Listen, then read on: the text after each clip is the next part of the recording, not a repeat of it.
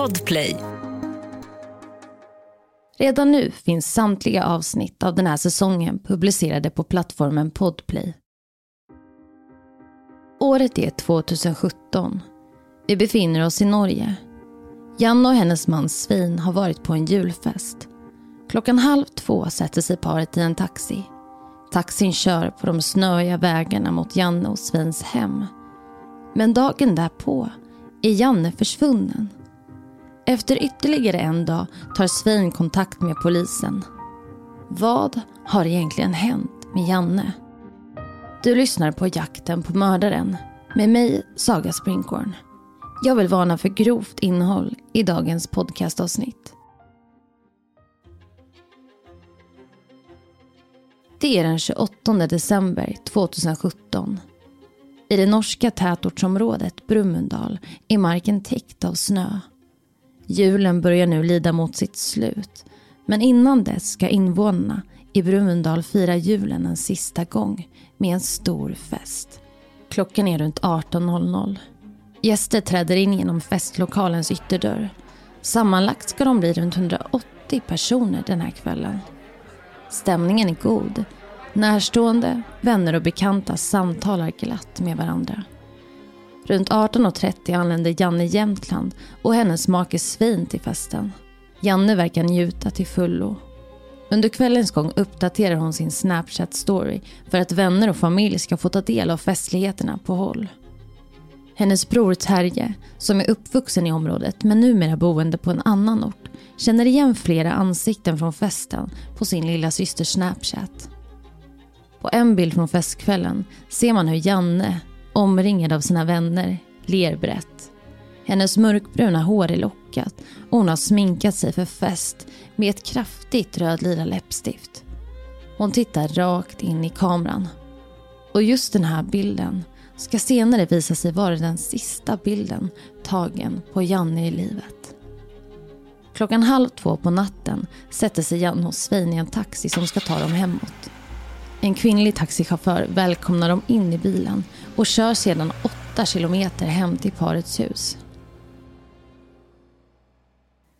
Det är nu lördag den 30 december klockan 9.30. Det har gått en och en halv dag sedan julfesten. Svein slår in numret till den lokala polisen. Det ni ska få ta del av nu är en transkription från telefonsamtalet. Jag agerar polisen och Svein. Hallå ja, det är Svin Jämtland som ringer. Jag ringer för att jag saknar min fru och undrar om ni hört något. Eh, det har jag inte hört något om. Hon är borta eller? Hon är borta ja. Vi har ingen i vår befattning. I alla fall inte i inlandet. Du har inte hört något från henne sedan igår kväll? Sedan igår morse. Jag har ringt, jag och vänner och så. Har hon varit ute på något? Nej, inte ute på något. Vi har ingen här hos oss. Okej. Vi får hoppas att hon dyker upp. Annars får vi se om vi kan dra igång något. Okej. Ska jag bara ringa runt lite då?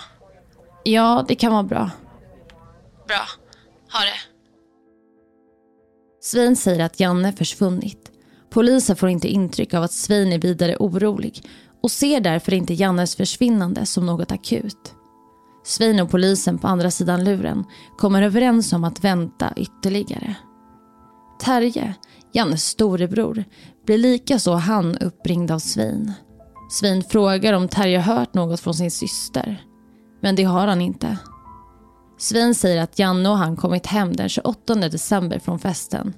Och dagen därpå, den 29 december, hade hon varit försvunnen. Terje försöker nu febrilt få tag på sin lilla syster Janne via Messenger, Snapchat och sms. Han ringer henne gång på gång, men inga signaler går fram.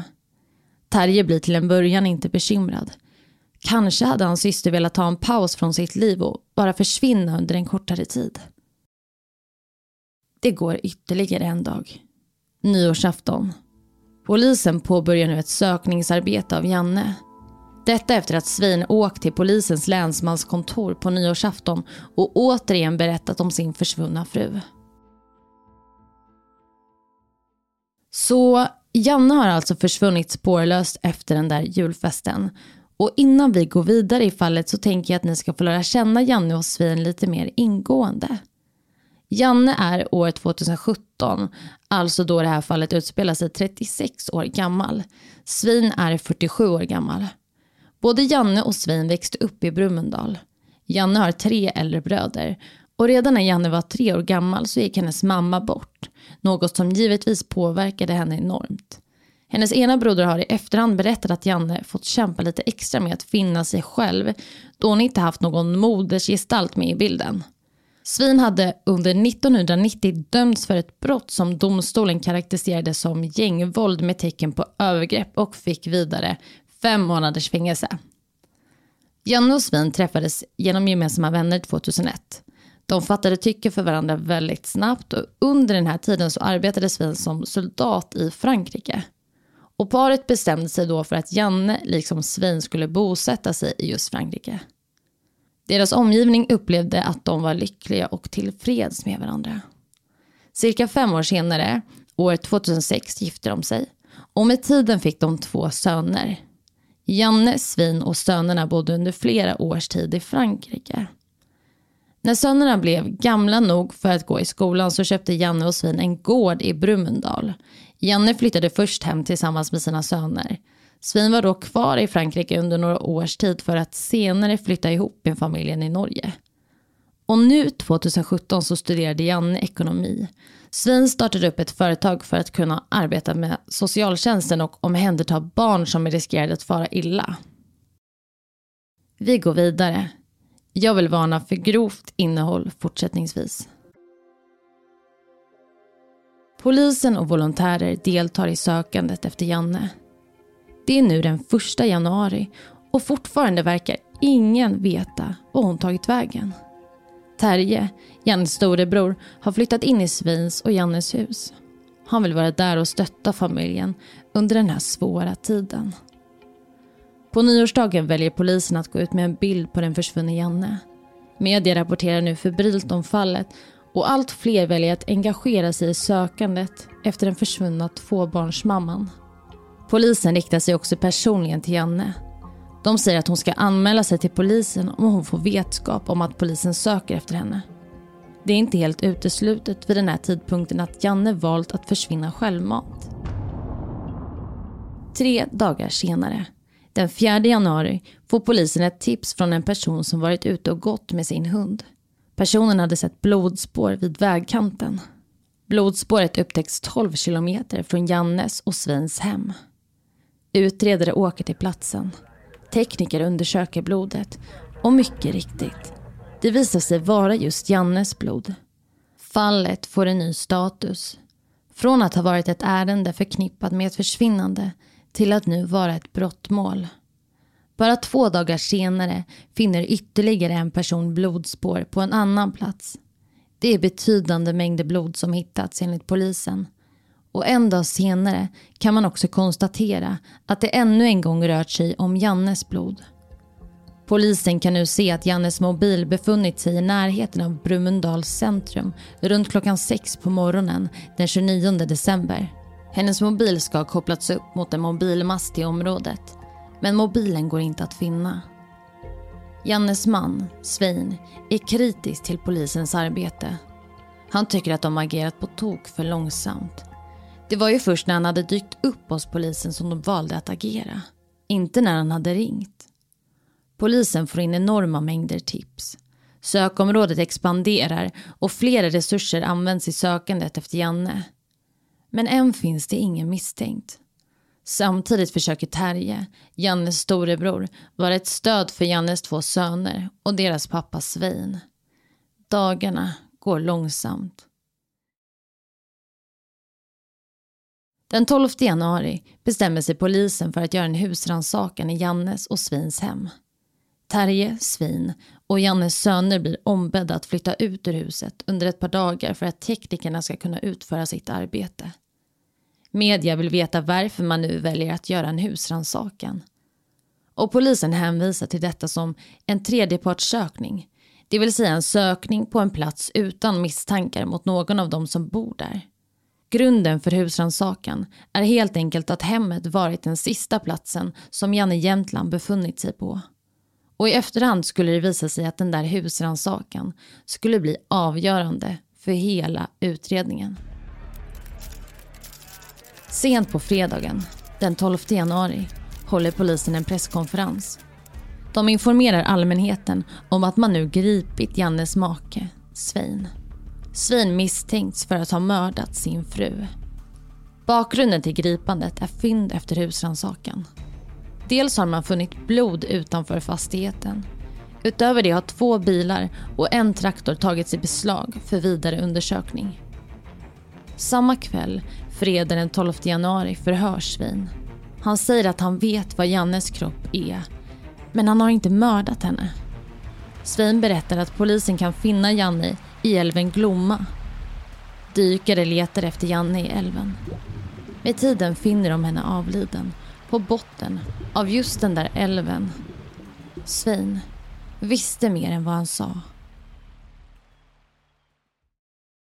Ja, Svein är nu misstänkt för mordet på Janne och han berättar för polisen att Janne ligger dumpad i älven Glomma. Janne hittas senare avliden i älven och man kan då se att hon har sänkts ner i vattnet med hjälp av ett lastbilsbatteri som någon fäst runt hennes kropp, som en tyngd. Man konstaterar också att Janne har blivit skjuten på nära håll i pannan, troligtvis från cirka 5 cm håll, innan hon sen dumpats i älven. Men faktum är att skottet i sig inte dödat Janne. Istället är den fastställda dödsorsaken drunkning. Skottet hade gjort så att Janne blev medvetslös, så när hon dumpats i älven var hon faktiskt vid liv. Och nu kan man fråga sig hur kan Svein veta vad kroppen är samtidigt som han förnekar brott? Vi spolar oss tillbaka i tiden. Det är den 28 december 2017. Julfesten ska utspela sig om några timmar och händelseförloppet som ni nu ska få ta del av är i enlighet med Sveins utlåtande. Det har snöat intensivt under natten. Det är en kall morgon och svin går ut för att skotta. Janne vill åka till ett närliggande shoppingcenter för att inhandla en gåva till paret som bjudit in dem till kvällens julfest. Tillsammans åker de till centrum för att inhandla den där gåvan. Runt klockan halv två är de åter hemma. De börjar nu göra sig redo inför kvällen. Paret kliver in i festlokalen klockan 18.30. Svin dricker en hel del alkohol och blir ganska snart berusad. Stämningen är mycket god. Både Svin och Janne har roligt. Glas efter glas intas och Svin är nu full. I klockan halv två sätter sig Svin och Janne i taxin som ska ta dem hemåt. Enligt Svin ska han ha somnat under taxiresan hem. Taxichauffören som i efterhand får agera vittne har berättat att Janne varit på gott humör. Hon pratade en hel del och berättade om kvällen som varit. Svein däremot ska mest ha suttit tyst under bilfärden. När paret kommer hem blir Janne upprörd. Hon säger att Svein skämt ut henne då han blivit full. Janne börjar nu skrika på Svein. Hon nämner också något i all hast om Tinder. Svein förstår att han har blivit upptäckt. Svein berättar därför att han har skapat ett Tinderkonto av nyfikenhet. Han hade velat se om någon av hans vänner hade ett sånt där konto. Diskussionen fortsätter. Paret går in till sovrummet men Janne vill att Svin ska gå ut. Hon vill inte ha honom i sovrummet och menar att Svin varit otrogen då han startat ett Tinderkonto. Svein försöker lugna ner Janne, men han lyckas inte. Svein ser plötsligt att Janne håller en pistol i handen. Diskussionen mynnar ut i ett aggressivt bråk. Janne pressar sin man ut ur sovrummet. Bråket blir hotfullt. Svein står nu utanför ytterdörren med endast underkläder på sig. Han ser hur Janne börjar rikta vapnet uppåt. Svein tar snabbt tag i Jannes underarm och vrider henne bakåt. De backar bakåt på farstutrappan och plötsligt faller de båda bak. När de faller hör Svein hur ett skott avlossas från pistolen i Jannes hand. Svein får panik och frågar Janne hur det är med henne. Men när han får syn på henne ser han att Janne är träffad i pannan. Hon hade råkat skjuta sig själv. Svein ruskar om sin fru. Han försöker få kontakt med henne men utan resultat. Svein är i ett chocktillstånd. Han går in i huset för att värma sig och hämtar därefter sopsäckar. Han tar av Jannes kläder och lägger henne i påsarna. Därefter stoppar han in påsarna innehållande Jannes kropp i familjens bil och börjar köra. Under turen lyckas han göra sig av med blod några kilometer från hemmet. Han kör sedan bilen mot Brummendals centrum. Han märker då att han har Jannes mobil med sig på turen. Han kan inte koden på mobilen och kastar därför iväg den. Därefter ska mobilen enligt Svein brunnit upp. Vidare åker han hem och lägger sig. Jannes kropp ska då ligga kvar i bilen. Dagen efter ska svin ha åkt med hennes kropp till älven Glomma. Satt fast ett lastbilsbatteri runt hennes kropp och dumpat henne från en bro ovanför älven.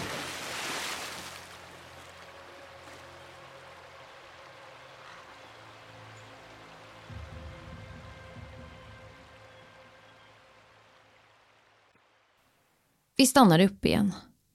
Det här är alltså så som Svein beskriver den aktuella dagen och tiden därefter. Historien har skiftat lite sedan första förhöret men detta är den senaste versionen som också berättas senare i rättssalen. I maj 2018, cirka fem månader efter Jannes död, finner polisen mordvapnet och dess tillhörande magasin. Detta efter att Svin varit medhjälplig och pekat ut en ungefärlig plats i ett skogsområde där polisen kunnat finna vapnet. Det är inte 100% fastställt att det är mordvapnet då den tekniska bevisningen städats bort. Men vapnet och dess tillhörande magasin överensstämmer med Svins historia och Jannes skottskada i pannan. Den 12 november 2018 inleds rättegången. Svin sitter åtalad för mordet på sin fru. Åklagaren ställer sig skeptisk till Svins historia om hur Janne dött. Det troliga mordvapnet är en så kallad Makarov-pistol. Och vad är då det? Jo, det är en sovjetisk halvautomatisk pistol. En halvautomatisk pistol innebär att man kan trycka in avtryckaren en gång för varje skott. Alltså ett tryck för varje skott. Sen måste du ladda om. Ett tryck, ett skott. Det som åklagaren nu reagerar på är att Svein efter att Janne råkat skjuta sig själv tvättat pistolen och gjort sig av med den. Hade Jannes fingeravtryck funnits på avtryckaren hade Sveins historia varit mer trovärdig. Men nu pekar hans berättelse mot ett helt annat håll. Han hade alltså gjort sig av med betydande bevis. Men varför, om beviset i sig varit i enlighet med hans historia? Svein i sin tur menar att han har varit chockad och inte vetat vad han gjort. Han agerade helt enkelt i panik. Vapentekniska experter gör sitt utlåtande angående att Janne skulle ha skjutit sig själv. Slutsatsen är att det är högst osannolikt. Man har också frågat sig varför paret har ett vapen i huset. Svein menar att Janne velat införskaffa sig det för att känna sig tryggare. Men flera vittnen berättar att det i själva verket är Svein som äger pistolen. Vittnena menar också att han har varit stolt och skrytit om att han ägt den där pistolen.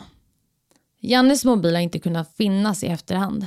Men däremot vet man att den kopplat upp sig mot en mast i centrum under samma natt som Janne mist sitt liv. Svin erkänner att han har haft den på sig när han åkte runt med kroppen och sedan upptäckt detta och inte kunnat koden. Han hade ju då slängt den på marken och mobilen hade brunnit upp. Ytterligare en historia som i åklagarens öron låter osannolik. Och enligt obduktionen har Janne dött av en drunkning i anslutning till skotten i pannan. Alltså skulle Janne bara några timmar efter att hon skjutits drunknat. Men Svein menar att han har dumpat Janne i vattnet dagen därpå. Det påståendet går inte i hand med de rättsmedicinska forskarna som gett sitt utlåtande i fallet. Inte heller i enlighet med obduktionsrapporten. Och det ska heller inte gå att fastställa vart Janne blivit dränkt. Teorin är att Svein dränkt henne i närheten av hemmet och sedan dagen därpå dumpat henne i älven. Vi går vidare. Den där natten den 29 december hade Svein och Janne kommit hem. Och det som inte tidigare nämnts i det här avsnittet är att deras äldsta son var hemma när taxin körde in på deras gårdsplan. Jag kommer att kalla sonen för Max. Max är 13 år gammal. Och det ingen verkar veta är att han är vaken den här natten. Den 29 december 2017. Han är på sitt sovrum på ovanvåningen och när Janne och Svin går in i huset, ja, då hör han att det uppstår ett bråk. Han hör skrik och dunkande ljud. Janne och Svin hade gått upp till sovrummet. Max hade hört en smäll och trodde att hans pappa ramlat på golvet. Han hörde hur Janne sa till Svin att han var för full för att sova i sängen bredvid henne. Max hör ytterligare en smäll och hans mamma skriker “Släpp mig!” Max skickar snabbt ett sms till sin mamma. I smset skrev han “Mamma” men han fick inte något svar. Max ligger i sängen och nu hör han hur ytterdörren öppnas och han hör sina föräldrar som pratar med varandra. Därefter hör han en smäll och sen blir det tyst under en längre tid. Han hör sedan hur någon börjar ploga snö och hur det skrapar på trappen utanför ytterdörren. Han somnar. Snart vaknar han av ett ljus inne i rummet. Han tror att någon startat traktorn som finns på gården. Dagen därpå kommer Max tioåriga lillebror hem. Max berättar för honom om natten. Han säger att han är rädd och tror att pappa dödat mamma. Lillebrorsan hade då frågat varför Max trodde det. Då hade Max berättat vad han hört. Det Max berättat för sin lillebror hade sedan Svein fått reda på. Svein hade då konfronterat Max och sagt Tror du verkligen att jag skulle kunna döda din mamma? Max berättar då för sin pappa vad han hört den där natten. Svein säger då att han hade ramlat i trappen. Och Svein hade inte liksom Max hört några smällar. Svein menade att Max bara var förvirrad. Och Max litade på sin pappa. I efterhand hade Svein bett Max att berätta vissa saker för polisen.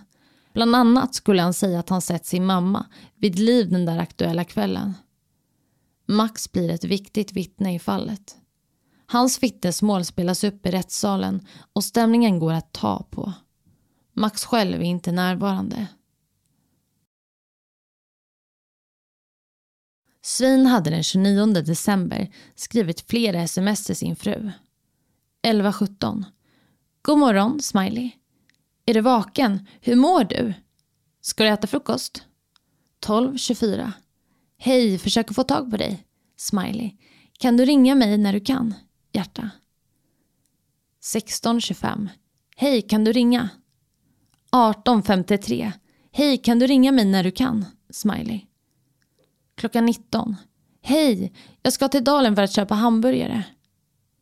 Kan du ringa mig? Börjar oroa mig. På Snapchat skickar han en snap till sin vänlista klockan 10.06 på morgonen. Det är en bild på snön och på bilden har han skrivit God morgon smiley. Samtidigt som Svein skrev dessa sms låg Janne insvept i plast och sopsäckar i familjens bil. December 2018. I tingsrätten döms Svein till 18 års fängelse för mordet på Janne. Han överklagar domen på plats. Hovrätten anser, liksom tingsrätten, att det är bevisat bortom allt rimligt tvivel att Svein avsiktligt dödat Janne genom att skjuta henne i pannan och sedan dränka henne. Den 5 juli 2019 döms han i hovrätten till 17 års fängelse. Domstolen menar att Svein avsiktligt dödat sin före detta fru. Att han dränkt Janne ska enligt domstolen visa på en tydlig och stark avsikt att döda. Det förmodande motivet till Jannes död är att hon velat skilja sig. Flera väninnor till Janne hade under tingsrätten vittnat om att Janne lagt upp en plan för att göra sig fri från Svein. Hon hade under några månader sparat pengar för att inom en snar framtid kunna stå på egna ben. Svein menar att han aldrig hört något om någon skilsmässa. Han beskrev deras relation precis som vilken annan parrelation som helst. Bra dagar och dåliga dagar. Enligt hovrättens dom ska Svein betala 400 000 norska kronor vardera till sina två söner i skadestånd. Arvet och försäkringspengarna från Janne kommer endast att fördelas mellan sönerna. Idag bor Janne och Svins söner i ett fosterhem. Enligt Jannes storebror Terje, som varit med i ett flertal intervjuer, mår sönerna efter omständigheterna bra. Han ser sig själv som en extra pappa till sönerna. De har en bra relation och han finns där när de behöver honom. Terje startade efter Jannes död en fond till sönerna. Fonden har samlat in över en miljon norska kronor. Pengarna kommer att gå oavkortat till sönerna. Svinsöner har velat ha fortsatt kontakt med sin pappa. I början var det problematiskt när de samtalade i telefon med varandra. För Svin ville främst prata om mordet. Det var något som sönerna tyckte var jobbigt och obehagligt. Och den senaste informationen som jag tog del av är att Svein och sönerna får samtala via telefon två gånger i månaden. Och mordfallet på Janne får inte komma på tal under dessa samtal. Som ni alla kanske minns så ringde ju Svein till polisen och sa att hans fru var försvunnen. Och polisen valde ju då att avvakta. Detta delvis på grund av att Svein inte lät så orolig i telefonen men också för att polisen som mottagit samtalet inte uppfattade att Svein ville anmäla Janne som försvunnen. En specialistenhet inom polisen har faktiskt undersökt det här första telefonsamtalet för att utreda om det rört sig om ett tjänstefel. Och slutsatsen är att polisen som tagit emot samtalet inte begått något allvarligt tjänstefel. Däremot ställer man sig kritisk till att samtalet inte loggats. I nästa vecka kommer du att få ta del av sjuksköterskefallet. Patienter på ett danskt sjukhus avlider mystiskt. En kollega till en specifik sjuksköterska misstänker att hennes kollega gör patienterna sjukare med uppsåt. Om du inte orkar vänta till nästa vecka så finns det här avsnittet redan nu publicerat på plattformen Podplay. Om du vill komma i kontakt med mig så kan du skriva till mig på Instagram där jag heter Saga Springkorn eller mejla till jakten på mordaren Du hittar kontaktuppgifterna längre ner i beskrivningen. Tack för att du har lyssnat på dagens avsnitt. Podplay